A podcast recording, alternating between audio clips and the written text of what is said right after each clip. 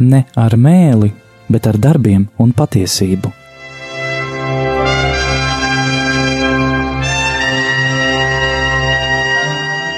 Atvērsim svētos rakstus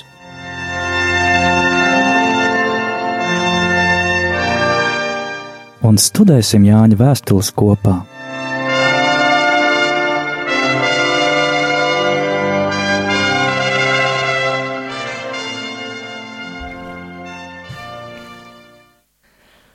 Lai ir slavēts Jēzus Kristus, studijā Stela. Mūžīgi mūžos slavēts un Anžela.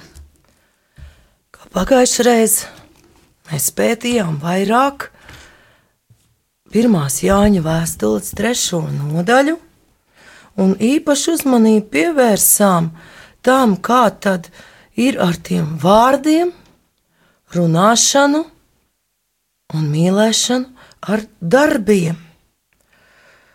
Un šī trešā nodaļa beidzas ar tādu ļoti interesantu vienu teikumu 24. pantā, kas viņa baušļus tur, tas paliek viņā, un viņš stanī.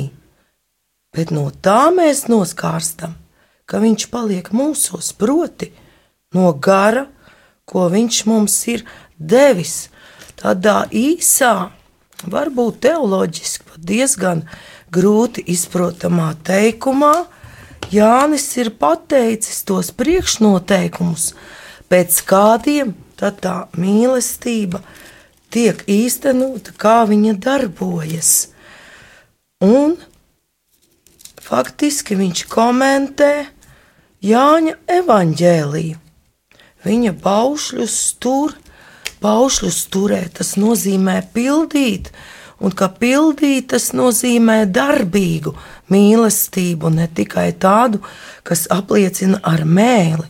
Es tevi mīlu, bet tai pašā laikā cilvēks mierīgi noskatās, kā tas mīlestības objekts sēž cietumā, mirst badā vai vispār netiek vairs pats ne ar ko galā. Jāņa evanģēlijā 14.23 ir teikts pat uh, citādāk, un varētu teikt pat vairāk par šo mīlestības darbības principu. Jāņa evanģēlijas 14. nodaļa. 23. pants. Kāpēc tas mums vajadzētu būt viņā tā skatīties, un kāpēc mums tas ir tik svarīgs? Es izlasīšu, ja? Jā, ļoti labi. ka tā- Jēzus viņam atbildēja: Kas mani mīl, tas manus vārdus turēs, un mans tēvs to mīlēs. Un mēs nāksim un pie viņa, un, ņem, un mēs nāksim pie viņa un ņemsim pie viņa mājas vietu. Paldies! Man, jā, mm -hmm. Kas man nemīl, tālāk ir tas pretstats. Kas mani nemīl, tas netur manus vārdus. Bet tie vārdi, ko jūs dzirdat, nav mani, bet tēva, kas mani sūtījis. Tad te jau ir redzams atkal šis dieva bērns un vēlna bērns. Viens, kurš ir šajās, kā tur bija tie interesantie vārdi, varbūt tu atceries. Tā savstarpējā ar Jēzu, ka viņš saka, es jūsos, tēvs manī, kas tad tur iznāk? Tur iznāk tāda kustība, var teikt, kā trīsvienībā. Mēs esam tad ar Dievu tādā vienībā, kā starp viņu un mums notiek šī kustība. Un kādā veidā tas var notikt, Jāņa evanģēlijas jau tālāk paskaidro. Jo 26. pāns jau runā par to. Aizstāvis svētais gars, ko tev sūtīs manā vārdā, tas jums visu mācīs un atgādinās jums visu, ko es jums esmu sacījis. Un te jau top skaidrs, kādā veidā tad ir iespējama tāda mīlestība pret tuvāko, jo ir šis gars, un gars ir minēts arī Jāņa vēstules 3. panta noslēgumā. Tas viss nos, noskārstams ir no gara, ko viņš mums ir devis. Un mēs varam mēģināt arī saprast, par kādu garu ir runa, jo tas, ja mēs mēģināsim noskaidrot, kas tas svētais gars ir, palīdzēs mums saprast jau ceturtās nodaļas šo īso izteikumu, kurš ir no vienas puses ārkārtīgi pazīstams, bet no otras ļoti neizprotams, bet tai pašā laikā palīdzošs tiem, kas pasaka, es Dievu nepazīstu un es par viņu nekā negribu zināt. Ka Dievs ir mīlestība. Jo tēvs Marija Eugēnijas par garu saka, ka gars ir šī mīlestība, kas notiek starp tēvu un dēlu. Tad šīs viņu attiecības, šī mīlestība, tēva Marija Eugēnijas karmelīta mūka mācībā ir svētais gars. Tā tad šis mīlestības gars, tad tas ir mīlestība tēvam uz dēlu, un ja viņš dod šo garu mums, tā tad viņš dod mums šo spēju tādā veidā, kā tēvs mīl dēlu, mīlēt citam citu. Un tādā kontekstā ir saprotams vairāk arī tas draudīgais teiciens - grēks pret svēto garu. Tas ir atteikšanās no šīs mīlēt spējas, un patiesībā tas ir pat diezgan grūti izdarāms, jo ir pretrunā ar to dabu, kādu cilvēkam Dievs ir devis. Bet tālāk jau pievērsīsimies ceturtajai nodaļai un par tiem gariem, kā tad tos atšķirt un kas no katras ir.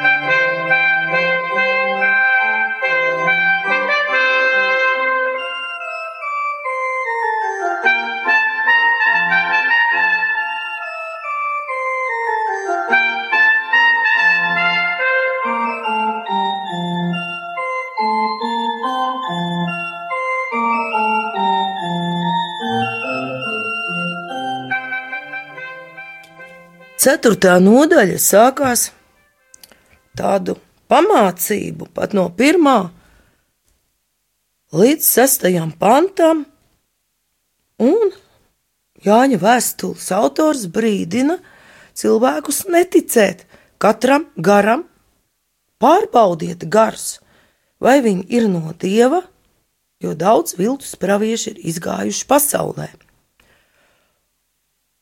No tā atzīstiet dieva garu. Šeit pat viņš dod kritērijus, kas apliecina Jēzu Kristu miesā nākušu ir no dieva. Kas neapliecina, nav no dieva. Tas ir antikrista gars, par ko jūs esat dzirdējuši, ka viņš nāks. Tas jau tagad ir pasaulē. Un atcerēsimies, kad ir īsti rakstīta Jāņa vēstule. Tas ir pirmais gadsimts, un jau toreiz kristietība pieņēmās spēkā un izplatījās, bet ne viss gāja tik viegli. Un te var saprast, ka Jānis runā par maldu mācībām, kurus pretendē uz tādu īstuma apliecību, gan ļaunprātīgi lieto gara dāvanas, pa kurām runāts 1. korintiešu 12, 1 līdz 11. Kā tur ir vesela rinda gara dāvanu, bet ko par viņiem saka Pāvils, priekš kam vispār ir mums kaut kāds dāvans? Lai mēs varētu kalpot Jā, Dievam. lai varētu celt draugu. Varbūt atradu to korintiešiem. Pirmā korintiešiem 12. nodaļa, īpaši 12. pants. Vair, gan 12. gan 1. korintiešiem 14.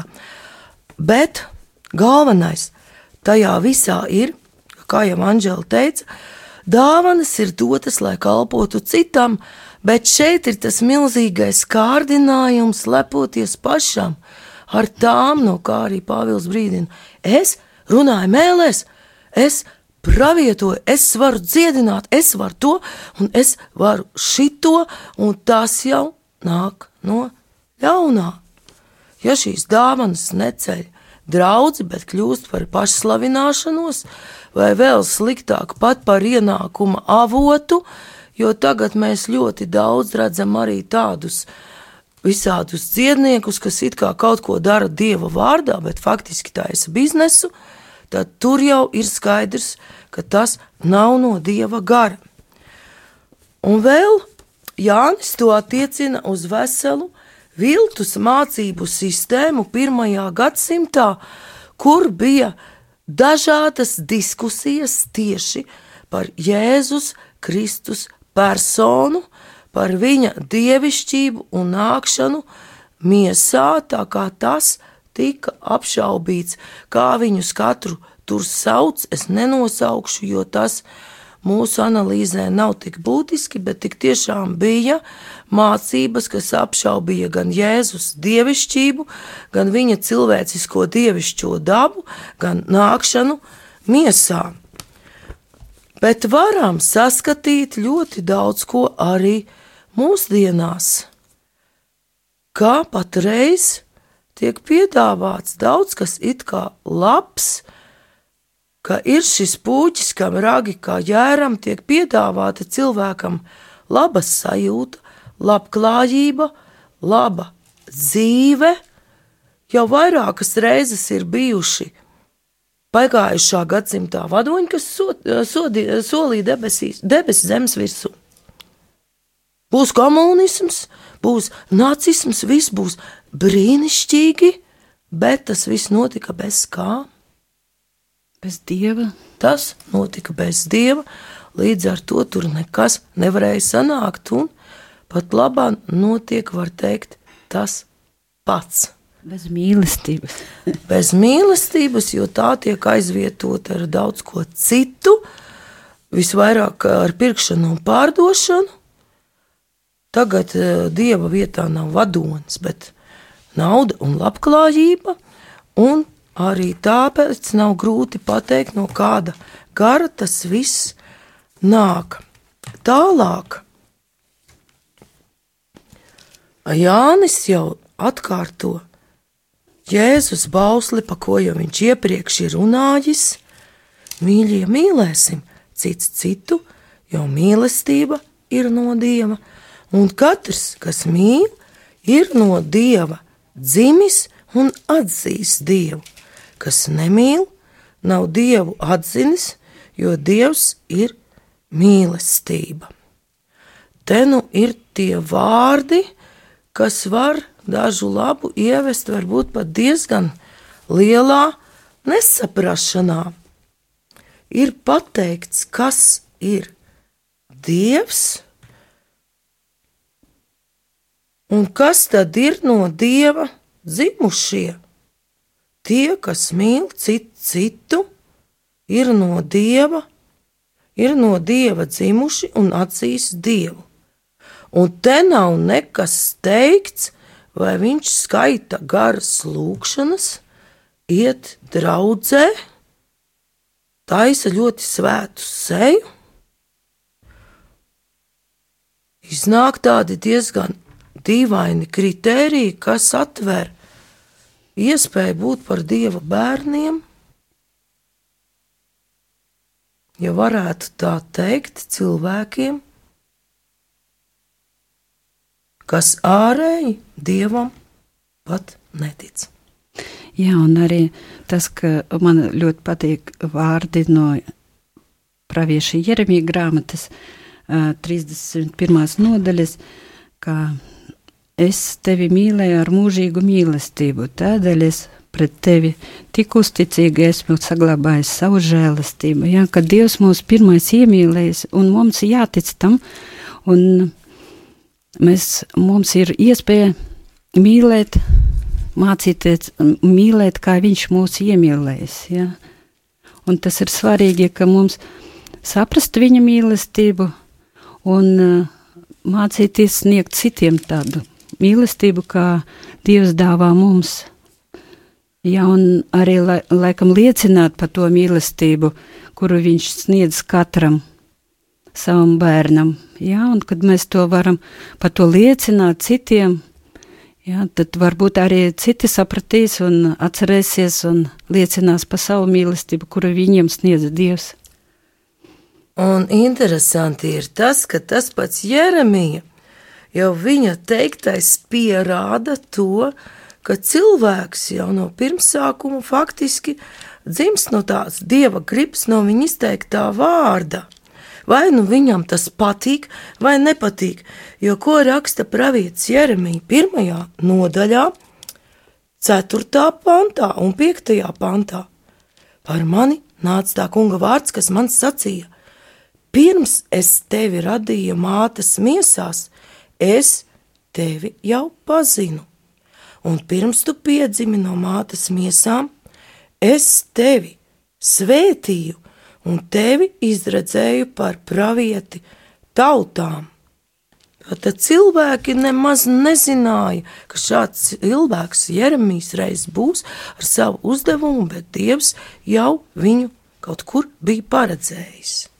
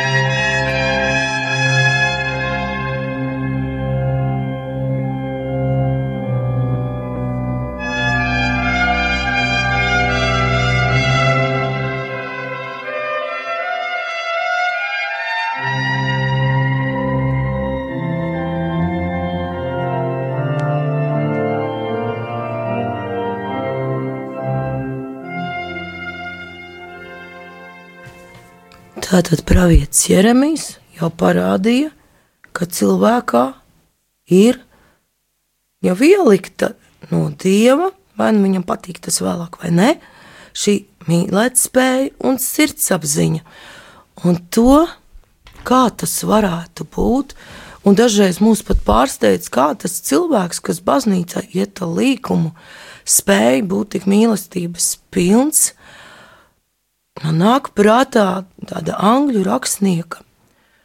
Arčibalda Kronina grāmata Debesu valstības atslēgas, kura ir par kāda katoļu pātera Čizema kalpošanu Ķīnā, un tur diezgan liela loma ir šī pātera dzīvē arī viņa draugam ārstam, kurš ir absolūts neticīgais bet izrādās, ka ir šī viņa godprātība un mīlētspēja tāda, kāda ir reti kādam ticīgajam.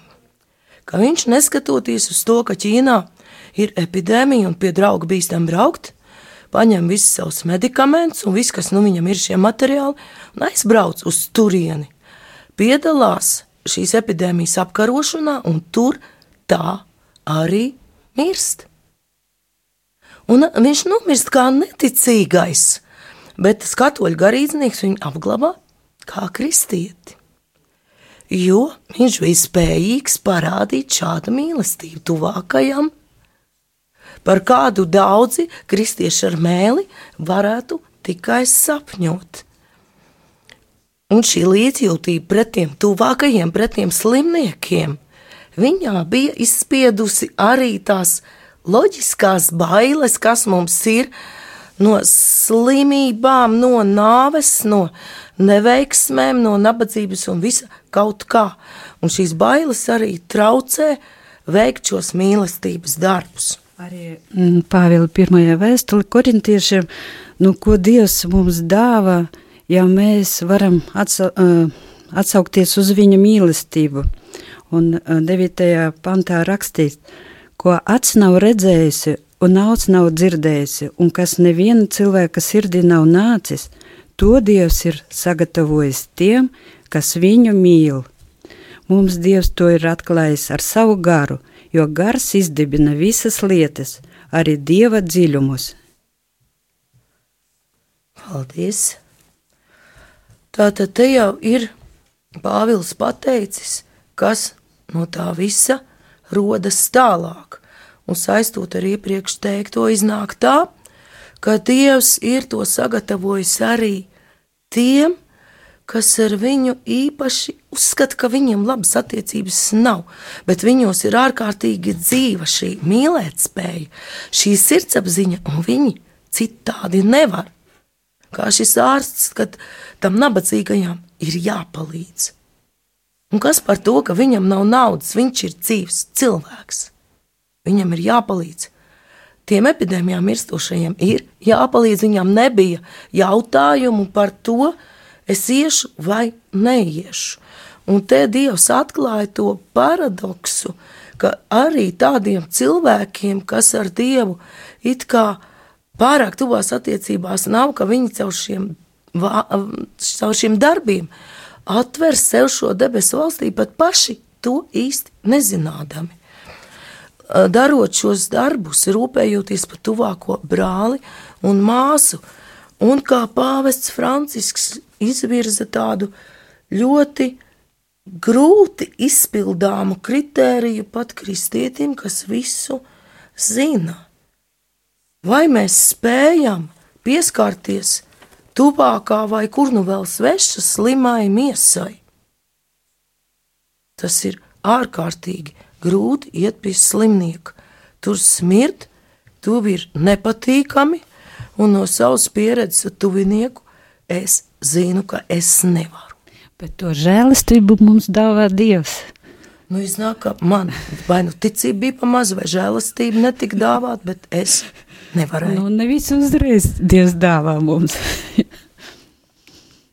Tā kā liekas, ka tas ir viegli, bet patiesībā tas ir grūti izpildāms bez īpašas Dieva žēlastības, šis tuvāk mīlestības bauslis parādīt viņām to mīlestību, tiešām neredzot visu to smaku vai neglītumu vai šausmas, jo tas pats Pāvils eh, savā slavenajā himnā mīlestībā, mīlestībai pasaka, ja kaut kas ir darīts, nu, varam teikt pat to tautas teicienu gariem zobiem, izrādīšanās pēc, tas nav derīgs.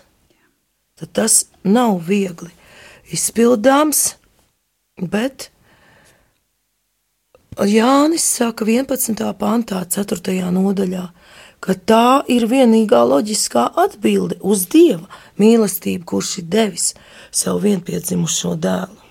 Dievs mūs tā ir mīlējis, tad arī mums pienākas citam citu mīlēt. Dievu neviens nav redzējis, bet šī mīlestība, ar kādu mēs mīlam citu citu, un to brāli, kura raksturs vai miesa ir nu galīgi nepatīkami, no tā apkārtējie redz, ka Dievs mājo mūsos, un viņa mīlestība ir mūsu vidū tapusi pilnīga, un ka mums ir šī dāvana no gara. Jā, un pretstatā miesīgais cilvēks nesatver to, kas nāk no dieva gara, jo tas viņam ir ģeķība, viņš to nevar saprast, jo tas ir garīgi apspriežams. Garīgais cilvēks izdibina visas lietas, bet viņu pašu neviens neizdibina.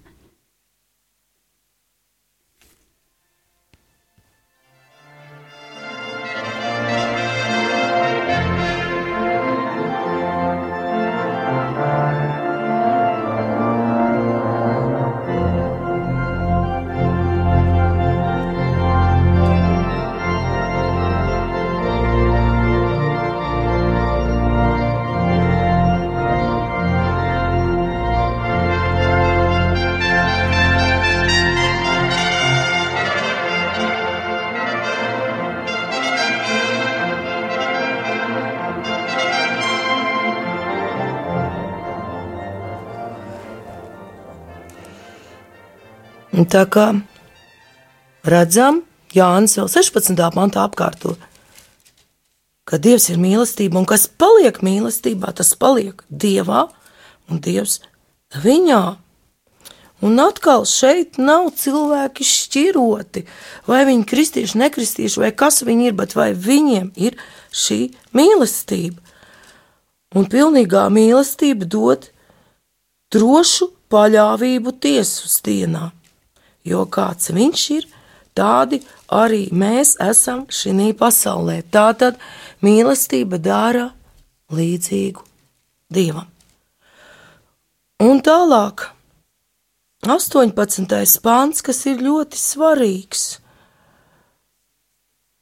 parāda to lielo un galveno pat šķērsli uz šo mīlestību un dievlīdzību.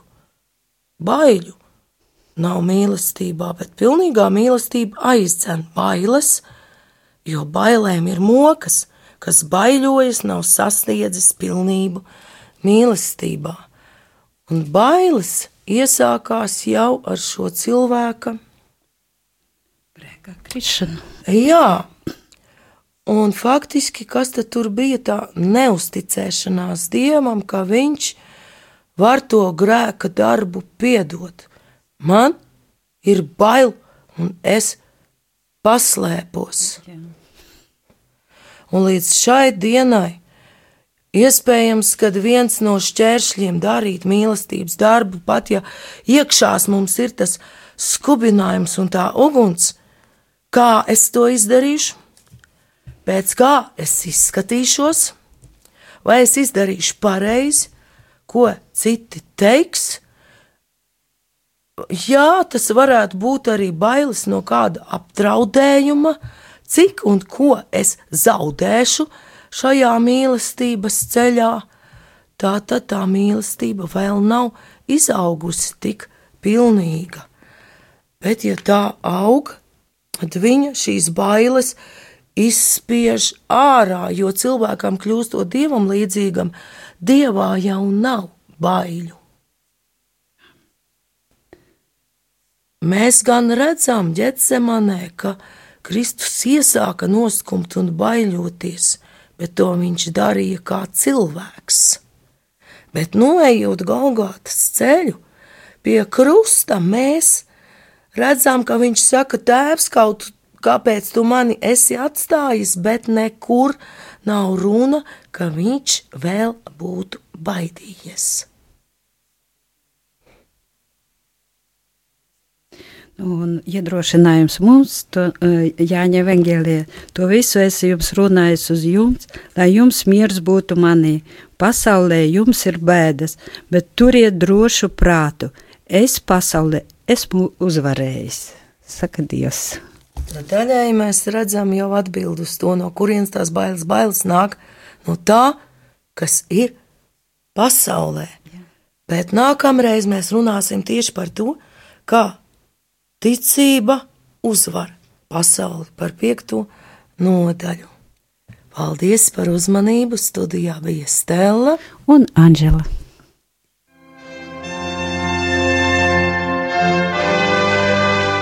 Izskanēja raidījums